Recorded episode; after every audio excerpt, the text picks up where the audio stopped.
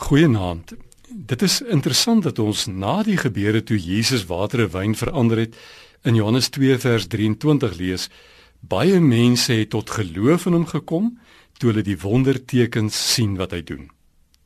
Maar dan sê Johannes: "Maar Jesus het hom nie veel aan hulle gesteer nie, want hy het self geweet hoe mense is." Dit is nogal vreemd, nê? Nee?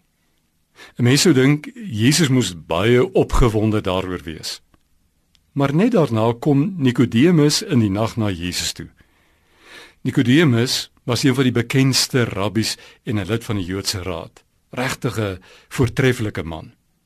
En hy het 'n bewondering vir Jesus gehad en het self vir Jesus gesê: "Rabbi, ons weet dat u 'n leermeester is wat van God afgekom het, want niemand kan hierdie wondertekens doen wat u doen as God nie by hom is nie." Maar Jesus stel nie belang in komplimente nie.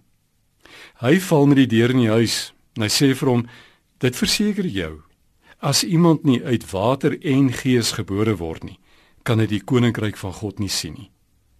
Ja, wat 'n verwarrende opmerking. sien Jesus ken mense. Hy ken mense se motiewe. Hy weet dat daar mense is wat hom slegs volg oor die wonderwerke wat hy doen.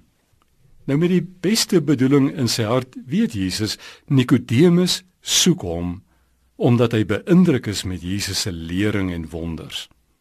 Later verdedig hy Jesus selfs in die Joodse raad en hy skenk die olie om Jesus se liggaam te balsem na sy kruisdood. Hy is erg oor Jesus.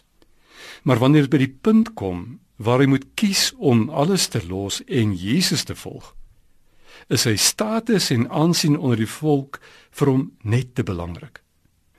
Hy kan sy ou mens nie afsterf nie en hom in oorgawe aan Jesus oorgee en hom volg nie.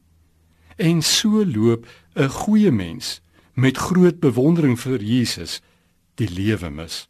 Gaan lê en dink vanaand baie ernstig hieroor. Wat hou jou terug?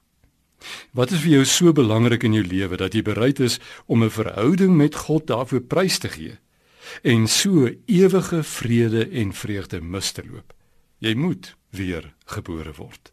Lekker slaap vanaand.